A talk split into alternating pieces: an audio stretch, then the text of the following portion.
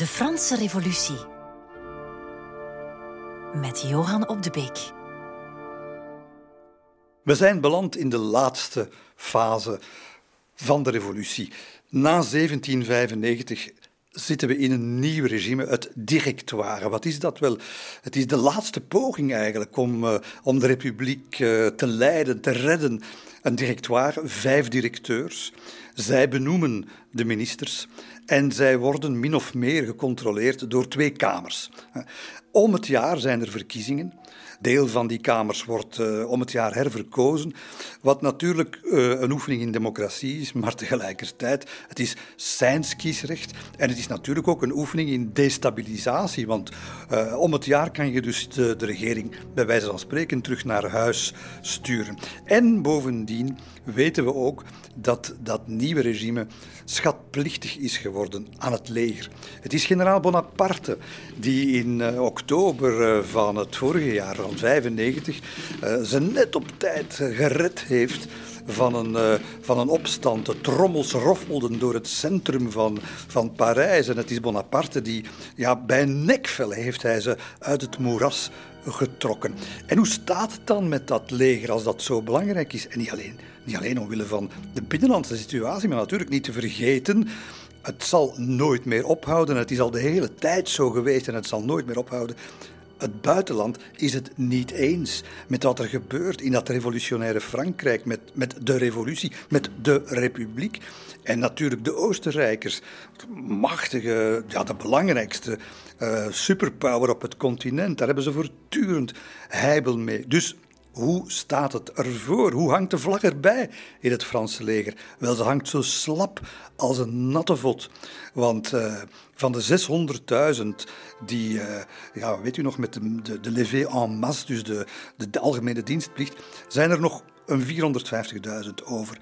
En waar ze voorheen nog bereid waren om hun vel te riskeren voor hun republiek, want de meesten waren natuurlijk gewone mensen, hè? gewone en vele sansculotten onder hen, wel, toen nog wel. Maar nu onder dit directoire dat duidelijk toch een, een, een republiek wil van, van en voor de eigendom, uh, niet van sociale gelijkheid en ook niet echt van vrijheid. Wel, dat is al heel wat anders. De motivatie zakt weg. De motivatie zakt weg en, je hebt ook verschillende legerkorpsen die eigenlijk allemaal een beetje een andere overtuiging hebben ook zo. Je hebt de, het Armée du Rhin, uh, onder leiding van generaal Mougot. Mougot, een, moet je dat zeggen, een opportunist, die aan het afwachten is van naar welke kant zal het, zal het hier allemaal overhellen. Hè? Want de kans dat het ancien regime terug wordt ingevoerd is bepaald niet onbestaande. Dan heb je het uh, Armée du Sambre et Moselle, dat is Jourdan. Jourdan die de Oostenrijkers uit België heeft verdreven. Jourdan die, die ja, redelijk betrouwbaar is, maar die zal binnenkort sneuvelen. Dus daar heb je ook niks meer aan. En dan heb je nog l'Armée de l'Italie. En dat is het leger in het zuiden van Frankrijk. Dat, en je kunt er eigenlijk geen, geen leger meer van, van maken, van dat zootje ongeregeld. Dit is, dit is meer, meer een nomadenkamp dan een heerschaar. Hè.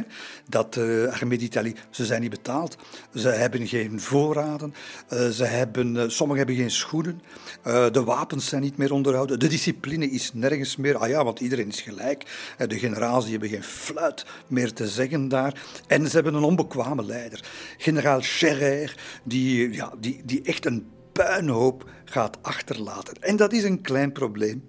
Wanneer in eh, april 1796 de bom barst en het tot een grootscheepse oorlog komt met Oostenrijk. De Oostenrijkers, het, het, ja, en dat is ook de logica, men verwacht zich eraan dat, dat, eh, dat ze via de Oostenrijkse Nederlanden, dat ze die terug in handen willen krijgen, dat ze de Rijn gaan oversteken. En het is dus aan Mougot in de eerste plaats en aan Jourdan om dat te beletten, om dat tegen te gaan. Uh, maar Oostenrijk, enorm machtig op dat moment, zeer groot leger. Ja, die bezetten ook uh, Noord-Italië.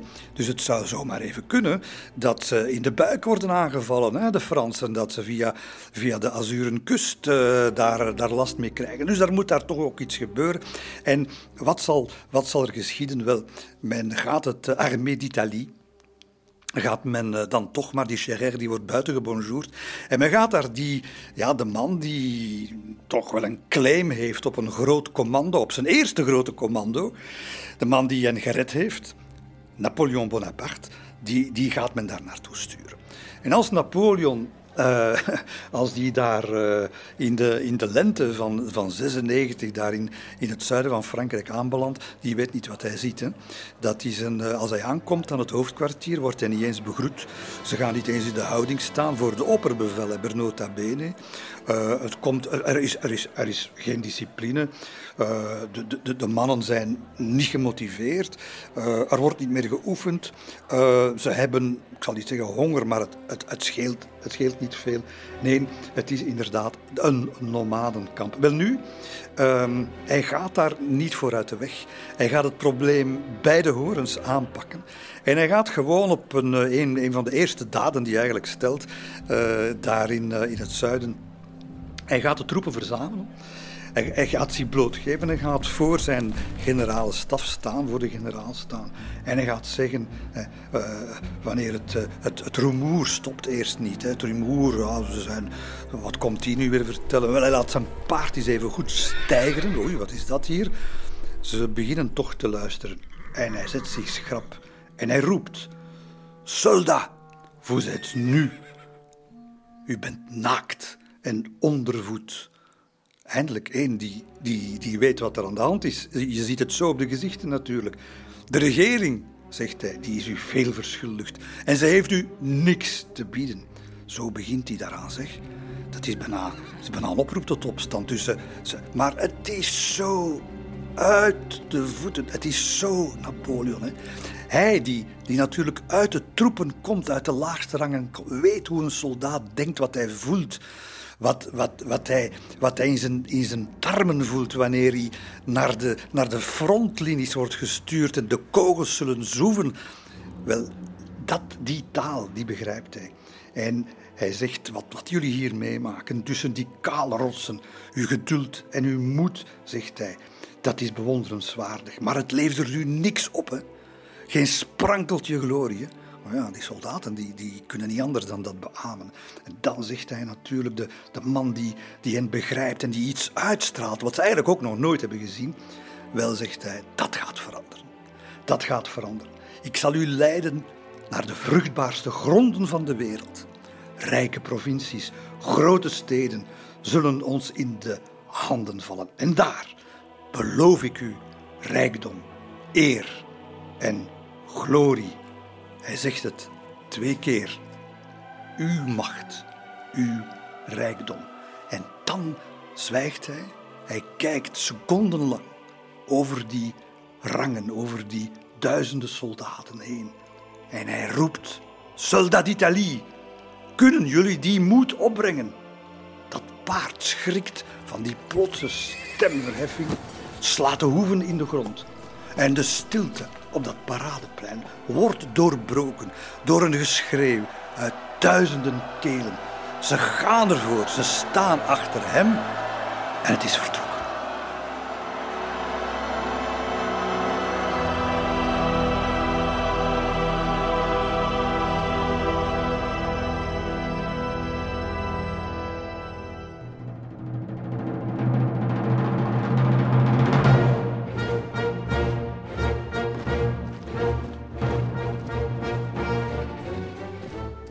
Het is 11 april 1796.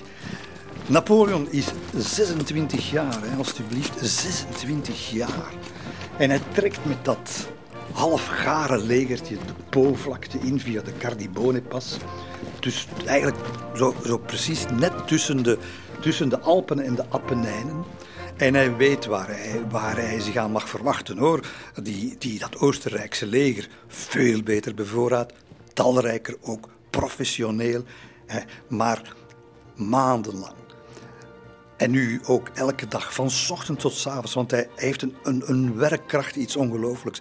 Hij bestudeert de landkaarten, weet daar elke valstrik en hinderlaag in te ontdekken voor hemzelf, maar ook voor de tegenstander. En gaat, gaat, ja, gaat berekenen hoe hij met dat kleine, met dat kleine troepje van, van, van 30.000, 40.000 man, hoe hij toch zo snel als het weer ligt, van hier naar daar en dan weer terug en zo verder, om die Oostenrijkers ja, eronder te krijgen.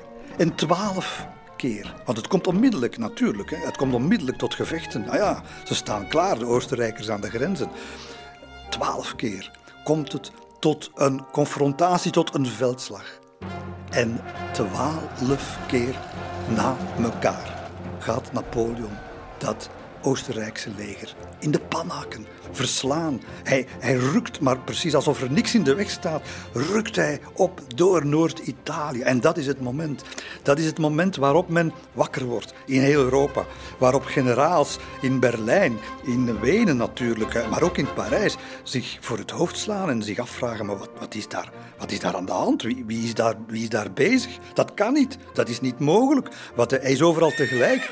Ja, Napoleon heeft een nieuwe manier van oorlog voeren bedacht. Hij heeft ook het talent om te zien waar en wanneer en, en met minder middelen eigenlijk dan zijn tegenstander toch te overwinnen. Hier komt zijn militair genie voor de eerste keer aan de oppervlakte. En hoe? En niet alleen dat. Niet alleen dat militaire, maar zijn, zijn, want hij is natuurlijk ook een, niet te vergeten, hè, het is ook een, een politicus in de dop. Uh, het is een, een republikeinse overtuiging en, en, een, en een politiek instinct dat hem eigenlijk vertelt dat hij zo snel mogelijk heel Lombardije, dus Noord-Italië, moet, moet, moet, moet, vertimmeren naar, naar, een, naar een, een republiek, naar Frans model. Uh, en want dat zal een bufferstaat dan zijn tussen de vijand, uh, ja, de, de staten om te beginnen, maar natuurlijk ook vooral de Oostenrijkers en zijn vaderland en, en Frankrijk, de Republiek. En nota bene bedenkt hij dat allemaal en doet hij dat allemaal zonder dat hem daar enig bevel is voor gegeven. Integendeel, dit is volstrekt in, in strijd met alles wat het directoire hem heeft opgedragen. Hij doet wat hij denkt dat hij moet doen. Hij houdt geen rekening met de politieke spelletjes die er gespeeld worden in Parijs. En laat ons vooral zeggen, niet alleen politieke spelletjes, maar politieke onbekwaamheid in het centrale bestuur, uh, geen doorzicht in de situatie. Uh, en, en, ze, en ze, zullen hem, ze zullen hem een paar keer proberen op de vingers te tikken, maar, maar ze gaan daar heel snel van terugkomen. Want wat zal er voortdurend elke week aankomen in Parijs? Wel, het zijn wagens vol kostbaarheden, geldzakken werkelijk, tonnen graan, die allemaal, miljoenen, die de armlastige republiek, want dat is Frankrijk geworden, uh, uh, beter gaat maken en, en, en drijvend gaat houden, met die verstande dat er ook een pak van al dat goud aan de vingers van de generaal zelf blijft plakken. Hè, en met name ook aan die van, van Bonaparte. En, en ondanks dat, dat toch weergaloze succes valt de frank niet, valt de euro niet hè, bij, uh, bij de Parijse elite. Nog altijd wedden ze op Mougot en Jourdan, daar in het noorden, uh, aan de Rijn, die er ondertussen niet veel van bakken. Die ondertussen, ja, ik kan niet zeggen de ene nederlaag na de andere, maar het is stilmeet. Het, is daar, het zit vast daar. En dus nog altijd zien ze niet in dat hun belangrijkste leger, dat, dat, dat ja, zogezegde ja, amateurleger daar, Armée d'Italie, met Bonaparte aan de leiding, dat dat eigenlijk hun grote troef is. Nee, ze blijven inzetten op die andere. En dus wanneer hij een, uh, het ijzer smeet als het uh, heet is en een wapenstilstand tekent zonder akkoord van het directoire, ja, dan, dan, dan, ze vallen achterover. Hè. Hij gaat Sardinië en Piemonte eigenlijk, uh, hij gaat die neutraliseren en, en dat willen ze eigenlijk helemaal niet. Ja, maar begin er maar eens aan. Hè. Ze willen hem kortwieken, nu al. Ze willen hem kortwieken. Ze gaan een andere generaal sturen, Kellerman. Willen ze naar Lombardije sturen om, om met twee dat leger daar te gaan leiden. Ja, dan ken je natuurlijk Bonaparte niet. Die zegt heel simpel, Kellerman die kan hier niks komen doen. Uh, trouwens zegt hij, je denkt toch niet dat er één soldaat hier in, uh, in Italië uh, niet onder mij wil dienen. Hè? en als je het toch wilt doen, ga ik naar huis. Ja, dus hebben ze dan ook maar snel, uh, snel opgeborgen, dat, dat idee. Um, en hij, hij, heeft daar ook een brief over geschreven. En, en die brief is interessant omdat het ons leert hoe hij denkt op dat moment. Men moet goed voor ogen houden dat ik op dat moment alle redenen had om mij superieur te voelen. Ik voelde dat ik beter was. Dat ik sterker was dan de regering die een dergelijk bevel gaf. En beter in staat was dan zij om te regeren. Ik voelde dat deze regering onbekwaam was om een deskundig oordeel te vellen over zulke belangrijke zaken die Frankrijk zouden ruïneren. Ik wist dat ik voorbestemd was om het land te redden. Vanaf dat moment ving ik een glimp op van het doel en heb ik me er volledig op toegelegd. Ik zag de wereld al onder me wegvluchten, alsof ik alles vanuit de lucht kon zien gebeuren.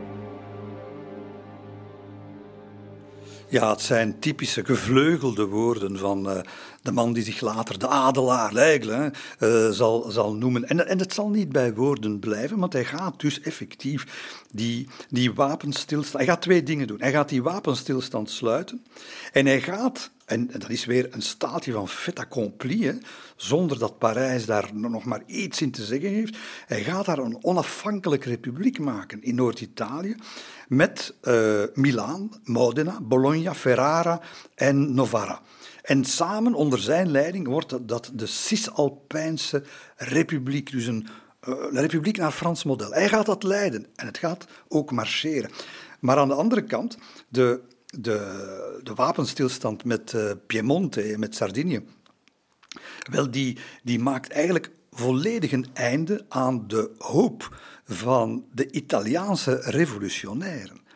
En dat is wel bijzonder, want hij, uh, hij zal dat ook schrijven aan Talleyrand, die ondertussen minister van Buitenlandse Zaken is. Nog lang niet uh, de grote Talleyrand, maar, toch. Napoleon schrijft vanuit, uh, vanuit Italië, schrijft, u, u, jullie kennen deze volkeren hier niet, zegt hij. Ze verdienen het niet dat 40.000 Fransen voor hen zouden moeten sneuvelen. die, die mensen die, die, ja, die, zijn, die zijn ook door en door katholiek. Die zitten niet te wachten op de afschaffing van de, van de katholieke kerk en zo verder. En ik ga dat ook niet doen, hè, want ze, ze, eisten van hem dat hij de godsdienstwetten, of de anti-godsdienstwetten, zoals je het wilt interpreteren, die in Frankrijk golden, dat hij die ook in Italië zou afdwingen. En hij vertikt dat. Uh, en, en dat is natuurlijk zijn grote politieke inzicht, zijn, zijn, zijn vingerspitsengevoel. Hij voelt aan waar, waar de knopen liggen, waar je moet opletten, waar de opportuniteiten liggen. En dus meteen, meteen enfin met twee pennen trekken, maakte eigenlijk een einde aan de, de toekomst van de, de mannen en vrouwen die daar in Italië hetzelfde willen doen als de Fransen. Ja, dat, dat, is, dat is pragmatisch denken natuurlijk. Hè. En hij weet, als hij dat niet zou doen, dat hij natuurlijk enorme problemen zou krijgen in, in, uh, in uh, Italië, dat hij met, uh, wie weet, guerrilla en zo verder zou te maken krijgen. Terwijl de echte vijand natuurlijk dat veel grotere Oostenrijkse leger nog altijd is. Want laten we wel wezen, in Duitsland gebeurt er niks. Mugo die, die krijgt geen voet aan de grond. Of sommigen zeggen, qua tongen al, zeggen Mugo wil geen voet aan de grond krijgen tegen de Oostenrijkers. Dus het gewicht van de hele oorlog komt eigenlijk naarmate we 1797 naderen, helemaal op de schouders te liggen van dat vermoeide. Ondertussen zijn ze, zijn ze bijna ja, negen maanden aan het vechten. Hè? Uh, leger van, eh, van Napoleon daar in Italië. Geen versterkingen, geen aanvoer van nieuwe middelen. En het is bijna overleven wat ze moeten doen. Hè? Het is een echte uitputtingsoorlog, terwijl uh, in, in de lente van dat jaar, in de herfst van dat jaar en ook in de winter van dat jaar, uh, de Oostenrijkers voortdurend tienduizenden versterkingen aanvoeren. En het is, het is dat alleen al, het feit dat, dat ze dat overleefd hebben, uh, en dat hij telkens opnieuw een, weg zich weet te vechten uit die wolfskuil waar hij is in beland, dat alleen al, naast die eerste reeks grote overwinningen, zegt alles over zijn, over zijn militaire talenten en tegelijkertijd slaagt hij erin om dat politieke project in Noord-Italië ook boven water te houden. Je, je, moet, het, je moet het maar doen allemaal. Hè. En, en dat gaat, en hij wil dat natuurlijk ook.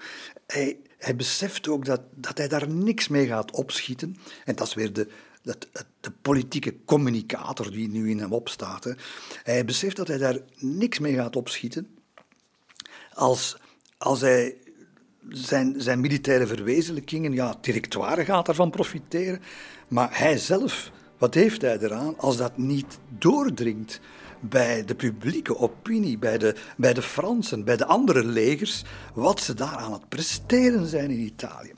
En het, het, grote moment uh, zal komen uh, op, het, op het ogenblik dat ze uh, op 15 november 1796 moeten ze in de, in de buurt van het dorpje Arcole moeten ze, eh, dat is ten zuidoosten van Verona, moeten ze uh, partij geven aan, uh, aan de... Ze, moeten de stroom over, er ligt een brug over. Het is natuurlijk geen oorlogvoering zoals vandaag.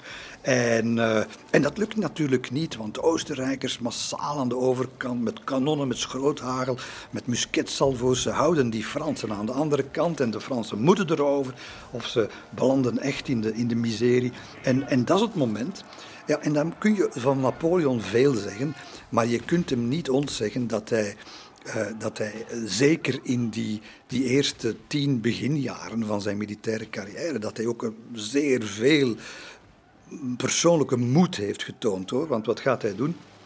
Springt van zijn paard, uh, neemt een Franse vlag, een van de regimentsvlaggen, en wikkelt die rond zijn zwaard en hij gaat op die brug af. Die brug die, die, dus bestond wordt door die Oostenrijkers die daar 300 meter verder uh, staan. En dan is het zijn onmiddellijk, en daaraan zie je hoe, hoe, uh, hoe, ze, hoe ze naar hem opkeken al toen al. Hè. Onmiddellijk gaat daar, gaat daar een kring rondstaan van zijn trouwste officieren, gewone soldaten, om hem te beschermen. En het is Jean-Baptiste Mouiron, een vriend. En hij zal er later een, een, slagschip naar vernoemen, of een fregat beter gezegd.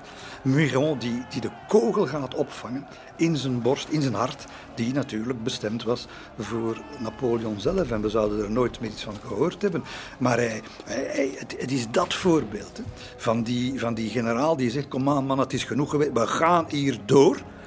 Dat, dat galvaniseert die troepen, dat dat op een of andere manier stuurt dat een elektrische schokgolf door die troepen en ze stormen die brug over en vallen veel gewonden en doden, maar ze halen het. En Napoleon ondertussen die is door het gewoel in een moeraspoel beland. Uh, iets minder uh, heldhaftig dan het uiteindelijk zal gepenseeld worden met een meesterhand door Gros op het doek, op het canvas. Uh, Napoleon sur le pont d'Arcole op de brug van Arcole, waar je hem ziet. Een prachtig schilderij met die wuivende manen van hem, met dat, die vlag. Dat, dat, dat. En je, je hoort bijna de kanonskogels door dat schilderij zoeven. Maar het is, het is een, een, een toonbeeld van heroïek, van heldhaftigheid, die eigenlijk niet zo heel ver van de waarheid zit. Wat wel ver van de waarheid zit, is dat die slag van Arcole, maar die heeft absoluut geen enkel definitief, geen beslissing meegebracht. Maar daar gaat het hier niet over. Waar het over gaat is dat, en Josephine, zijn echtgenoot, heeft daar een rol in gespeeld. Ze hebben dat samen eigenlijk goed bedacht. Dit, daar gaan we, daar gaan we daar gaan we garen bij spinnen. En ze gaan dat schilderij laten maken en dat wordt zo'n imposant ding. Dat gaat op koffie, uh, kopjes en, en mini-schilderijtjes en gereproduceerd in de kranten en wat weet ik allemaal. Dit is het beeld van de onverzettelijke held die het land naar de overwinning zal sleuren, desnoods met het verlies van eigen leven. En dat beeld gaat beklijven, dat beeld gaat zijn carrière maken.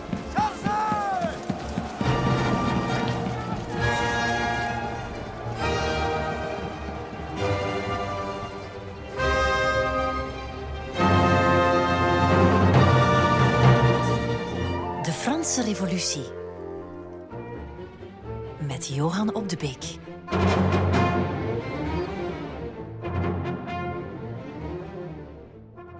Er is nog altijd niets beslist. Het voorjaar breekt aan, 1797. Eh, ja, je moet weten, in de winter wordt er uh, al, al eeuwenlang geen oorlog gevoerd. Dat moeilijk. Ja, maar dan ken je Bonaparte niet. Die, die zit nooit stil natuurlijk. Hè. En die heeft ervoor gezorgd dat dat, dat, dat armlastige leger van hem dat dat zich kan herpakken, herorganiseren. Uh, motiveert ze ook en ze staan er klaar voor. Um, ja, en dan gaat nogmaals, en hij, hij groeit alsmaar meer en meer als generaal, hij gaat, hij gaat ervoor zorgen, en dat is zijn doel, hè, dat die sterkere Oostenrijkse legers, hij gaat ze in de val lokken eigenlijk. Want hij wil ze lokken naar een terrein waar het niet meer over mankracht gaat, over dus aantallen, maar over uh, tactisch vernuft. En dat is in Rivoli, dat is ook bij Verona, bergachtig. En op 14 januari, dus midden in de winter van 97, gaat hij ze daar te grazen nemen. Het is een terrein van minder dan 20 vierkante kilometer. Het is eh, omgeven door bergen en rivieren. En, en het gaat er dus om wie kan het best gebruiken, wie schat er al die, die hindernissen en die, en die kloven en die, en die stroompjes, wie schat dat het beste in om er gebruik van te maken? Geen twijfel over. Hè? Hij natuurlijk. En het resultaat zal zijn dat het, dat het afgelopen is. Uh, Mantua, de belangrijke vestingstad, onmiddellijk in handen van, van de Fransen. En in minder dan een week tijd, in minder dan een week tijd, gaat hij 48.000 Oostenrijkse militairen uitschakelen. Hij gaat 600 kanonnen buit maken. Hij neemt Bologna in, Ancona. En hij, en hij is op weg. Hij is op weg naar Klagenfurt. De weg naar Wenen ligt open. Dit is, dit, dit is het einde. En hij dwingt op die manier, ze gaan de Alpen intrekken zelfs, hè, hij dwingt op die manier iedereen om zich naar zijn wil te plooien. Het directoire ook. Want het directoire kan niet anders meer dan, dan zeggen van ja, het is in Italië te doen. Hè. Het is Bonaparte, onze belangrijkste man. En, en hij, heeft, heeft een reden ook om, uh, om ook de Oostenrijkers uh, onder druk te zetten om zo snel mogelijk tot een akkoord te komen, tot een vredesakkoord te komen. Want wat wil hij nu? Hij wil niet alleen de, de pluimen, de terechte pluimen op zijn hoed steken van de campagne in Italië, de veldtocht, maar hij, hij verdenkt ook terecht generaal Moureau in het noorden ervan, die ondertussen ook aan het, aan het proberen is via de Rijn naar, naar Wenen op te rukken. Hij verdenkt hiervan om op zijn kosten eh, eigenlijk met, met de eer te gaan strijken en Wenen in te nemen. Stel u dat voor. Dus hij wil zo snel mogelijk er een eind aan maken en, en, en, en, en dat, dat het Napoleon is geweest natuurlijk en niemand anders die de Oostenrijkers in de pan heeft gehakt. En hij, en hij gaat dat dus doen. Hij gaat ze zo onder druk zetten. Hij gaat zo snel. Ze gaan op een bepaald moment zelfs de Brennerpas innemen. Stel u voor, eh, ze gaan de Alpen in. Ze doen, hij doet alles. Hij vraagt van zijn mannen het uiterste. En, en, en aan een snelheid uh, van uitvoering die, die ongekend was, uh, om, om die Oostenrijkers op de knieën te krijgen. Wel, het zal, het zal gebeuren. Het is in april dat in Leoben, dus dat is die diep in Oostenrijk, dat er een, een, Weense, een, een Weense gezantschap uh, hem komt vinden. Uh, geleid door aartshertog Karl in eigen persoon. En dat is de enige veldheer van de Oostenrijkers die ooit een beetje uh, in staat is geweest om een partij te geven. En weet je wat hij zegt? Uh, uh, Napoleon, het is een van zijn betere one-liners. Hij zegt: Tot nu toe heb ik zeven Oostenrijkse legers ontmoet zonder generaal. En nu sturen ze mij een generaal zonder leger. Ja, je kunt het niet beter bedenken dan hoe hij dat hier zegt. En Wenen verklaart zich daar bereid in Leoben om, voor ons heel belangrijk, Wenen verklaart zich bereid om Lombardije, Noord-Italië moet je zeggen, af te staan aan de Fransen en de Oostenrijkse Nederlanden. België gaat vanaf dat moment, België bestaat nog niet, ik weet het wel, maar onze regio gaat vanaf dat moment over virtueel en binnenkort ook met handtekeningen en zo verder over naar de Fransen. En daar moet een prijs tegenover staan. En Bonaparte onderhandelt dat allemaal. Hij gaat uh, voor een stuk de Rijn opgeven en hij gaat Venetië opgeven. Venetië, waar men in Parijs had op gerekend, hè, dat, dat, dat moeten we hebben. En hij, hij, geeft het weg. Hij geeft het gewoon weg. Een koehandel, uh, verkocht als een kudde schapen, roept Baga in, uh, in Parijs. Maar hij heeft natuurlijk ongelijk, want hij beseft niet wat Napoleon Bonaparte in Italië wel beseft. Geopolitiek. Dat is een kwestie van geven en nemen, ook al is dat in strijd met uw oorspronkelijke doelstellingen. Het is zo simpel als een kinderlesje, maar je moet het wel willen, durven en kunnen toepassen.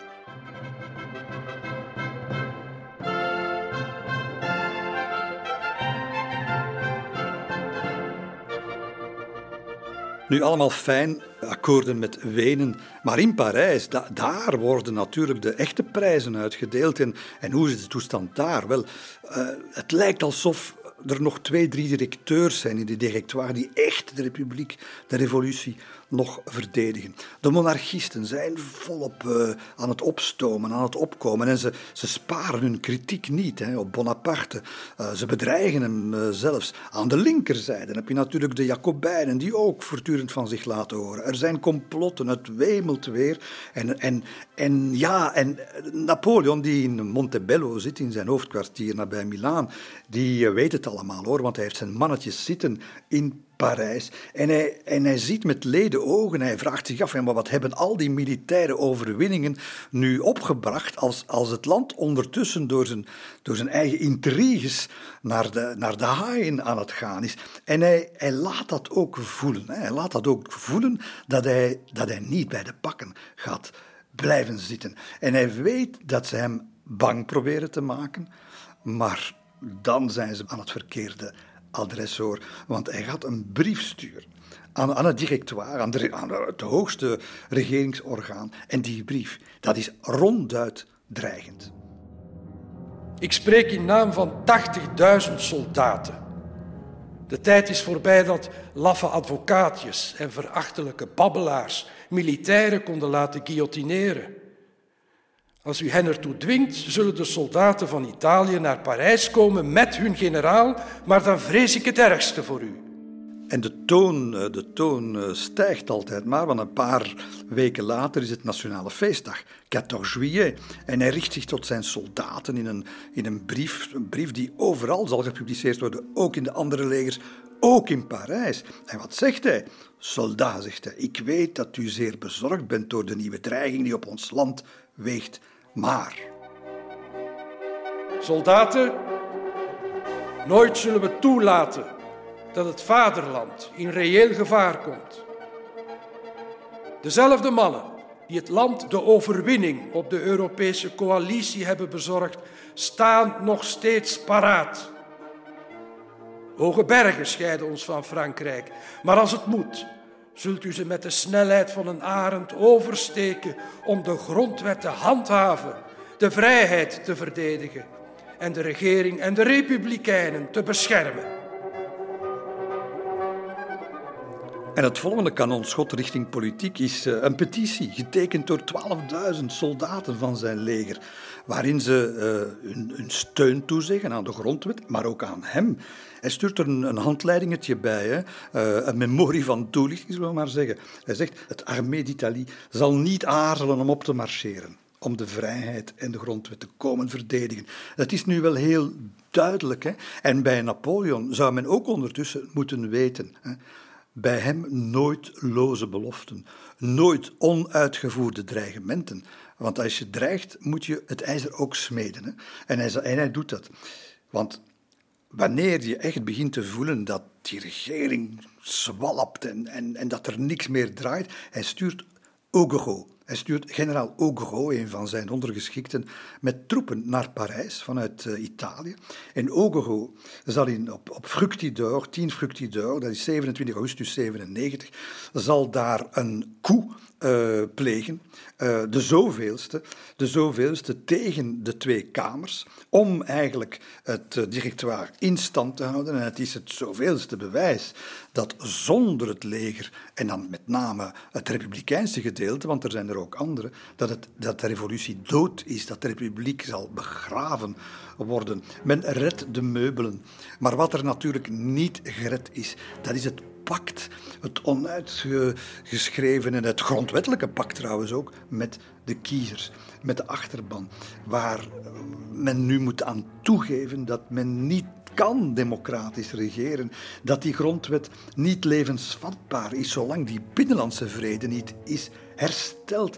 En, en dat je dat ook niet kan doen zonder het leger. En Wenen, want het buitenland kijkt mee natuurlijk, en Wenen rekent daarop. Hè.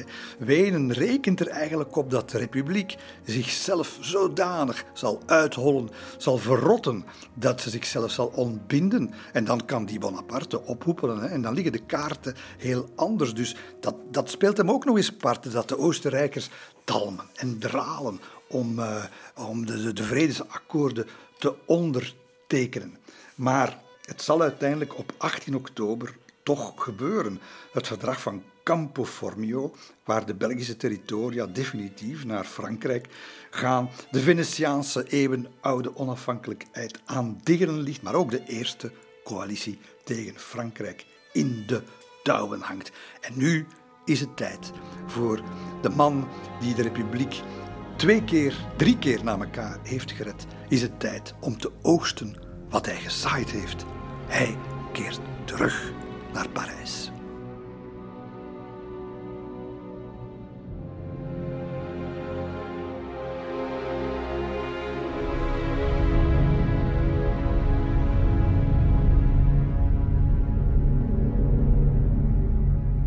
We zijn een paar maanden voor het einde en wat zich nu gaat afspelen, wel, dat gebeurt in het Hôtel de Gallifet. Uh, Hartje Saint-Germain, dat is de zetel van Buitenlandse Zaken, waar minister Talleyrand zit. En dat is de, op dat moment de grote bondgenoot van Napoleon.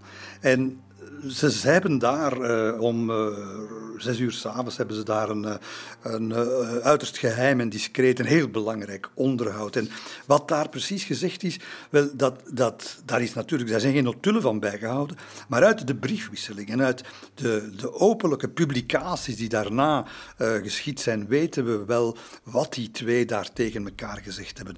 Ze hebben elkaar afgetast om te voelen hoe ver, is de ene bereid om te gaan en de andere bereid om te volgen?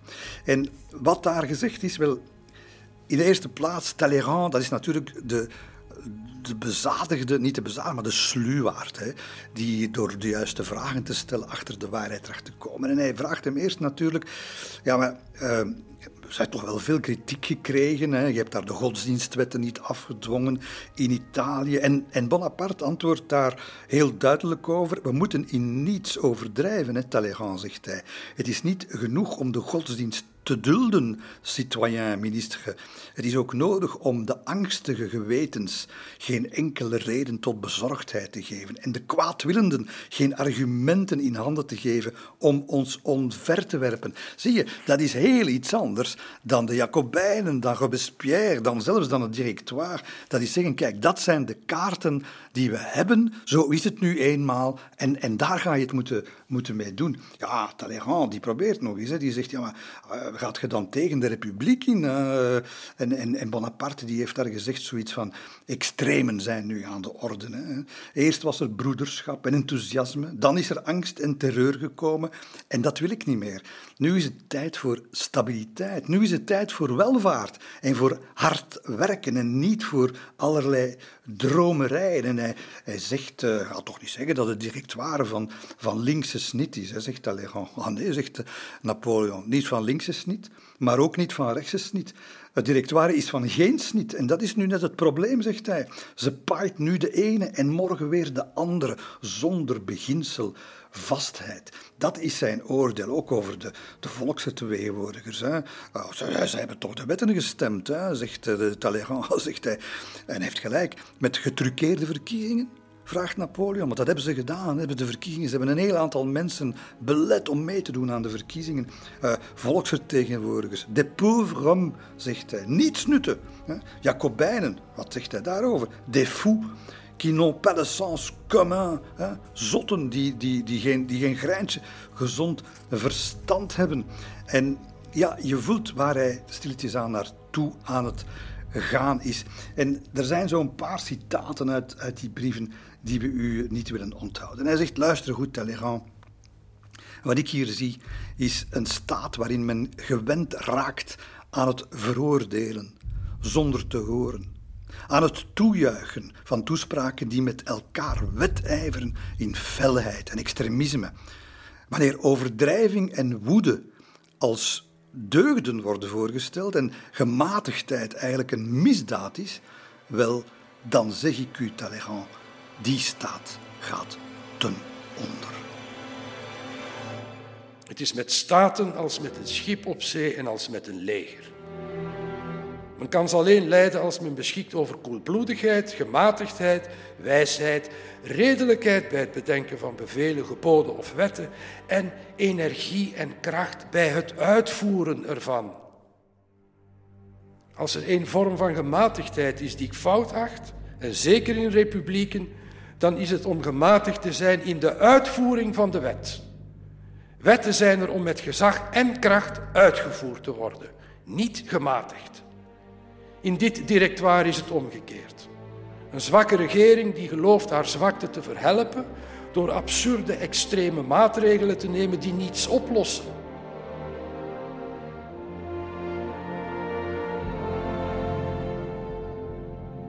Napoleon voelt zeer goed de, de desintegratie van de samenleving na de revolutie de, de opstandige dagen, de slachtpartijen, de losgeslagen volksmeutes. Het heeft hem een definitieve afkeer ingeboezemd voor volksopstanden. Te veel vrijheid. Ja, dat, dat was ook niet goed. Daar waren ze niet klaar voor, gewone mensen. En dat heeft geleid tot rechteloosheid. En zeker niet tot een beter leven uh, voor, voor de gewone man, maar wel voor verscheurdheid. En het is dat wat hij wil stoppen. Uh, het algemeen belang, zegt hij, dat is het enige wat nu telt. Eerst moeten we nu alles kalmeren de conflicten moeten uitdoven.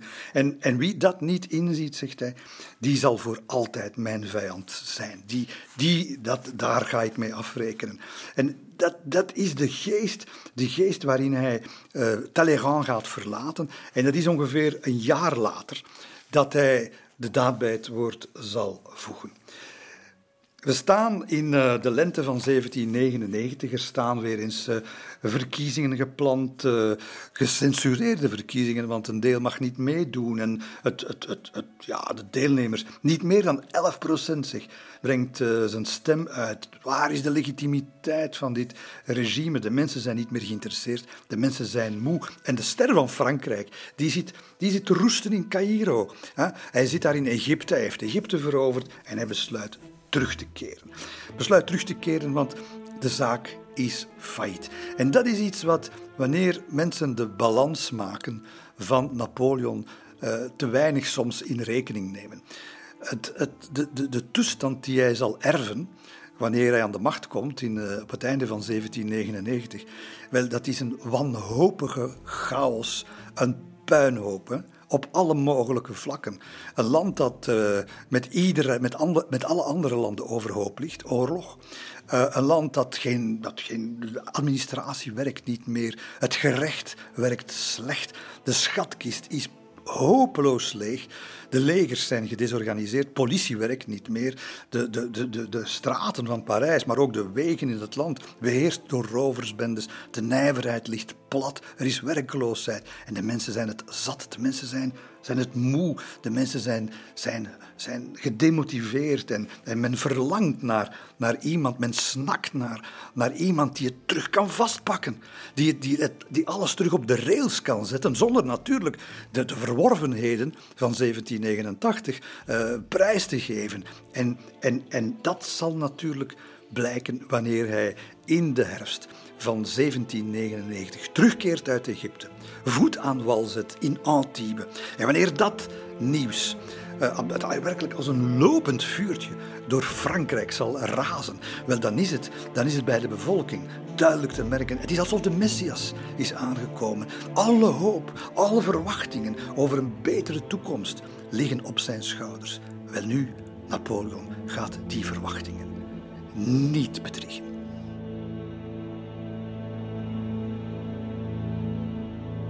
De Franse Revolutie.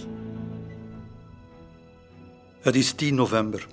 Buiten ziet alles wit. Het is de eerste vrieskou van het jaar in Parijs.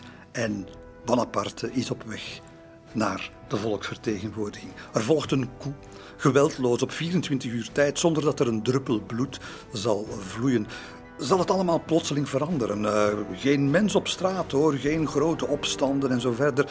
Nee, maar het regime kantelt. En op 24 uur tijd een nieuw. Het is het consulaat. Met Napoleon als eerste consul, zeg maar de eerste president van het nieuwe Frankrijk. En hij zal de lakens uitdelen, vliegensvlug en doeltreffend, zoals in zijn militaire campagnes. Het wordt allemaal aanvaard, meteen, want na tien jaar revolutie en experimenten met allerlei nieuwe vormen van bestuur en volksvertegenwoordiging, ja, men heeft het ermee gehad. En het doel was de republiek te behouden en dat doel leek alle middelen te heiligen, ook al ging dat ten koste van de principes zelf van de vrijheid. Het is nooit anders geweest. Wel, het is deze maatschappelijke evolutie die Napoleon heeft gebracht waar hij nu staat. En hij zal, uh, hij zal de hand aan de ploeg slaan. Hè. Men verwacht alles van hem en hij zal ook trachten om alles te geven. De keuze van zijn twee medeconsuls, dat is duidelijk. Hè. Het is een linkse en het is een rechtse. Hè. En hij, uh, hij zegt uh, heel duidelijk, hè, nu het algemeen belang. Gedaan met de strijd, gedaan met de conflicten op te lossen op het schavot. Iedereen aan dezelfde kar trekken. Wij hebben de roman van de revolutie afgesloten.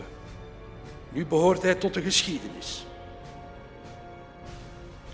Maar wij dienen slechts na te streven wat realistisch en haalbaar is in de uitvoering van zijn principes. En niet wat speculatief of hypothetisch is. Een andere weg volgen zou vandaag neerkomen op filosoferen, niet op regeren.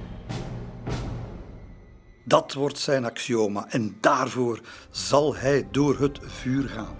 En het is in een, in een enigmatisch zinnetje, in een kort, één kort zinnetje, dat hij op maandag 23 december, vlak voor de nieuwe eeuw begint, voor zijn eeuw begint, in, uh, in een paar woorden, dat hij aan de bevolking laat weten dat de nieuwe tijd is begonnen.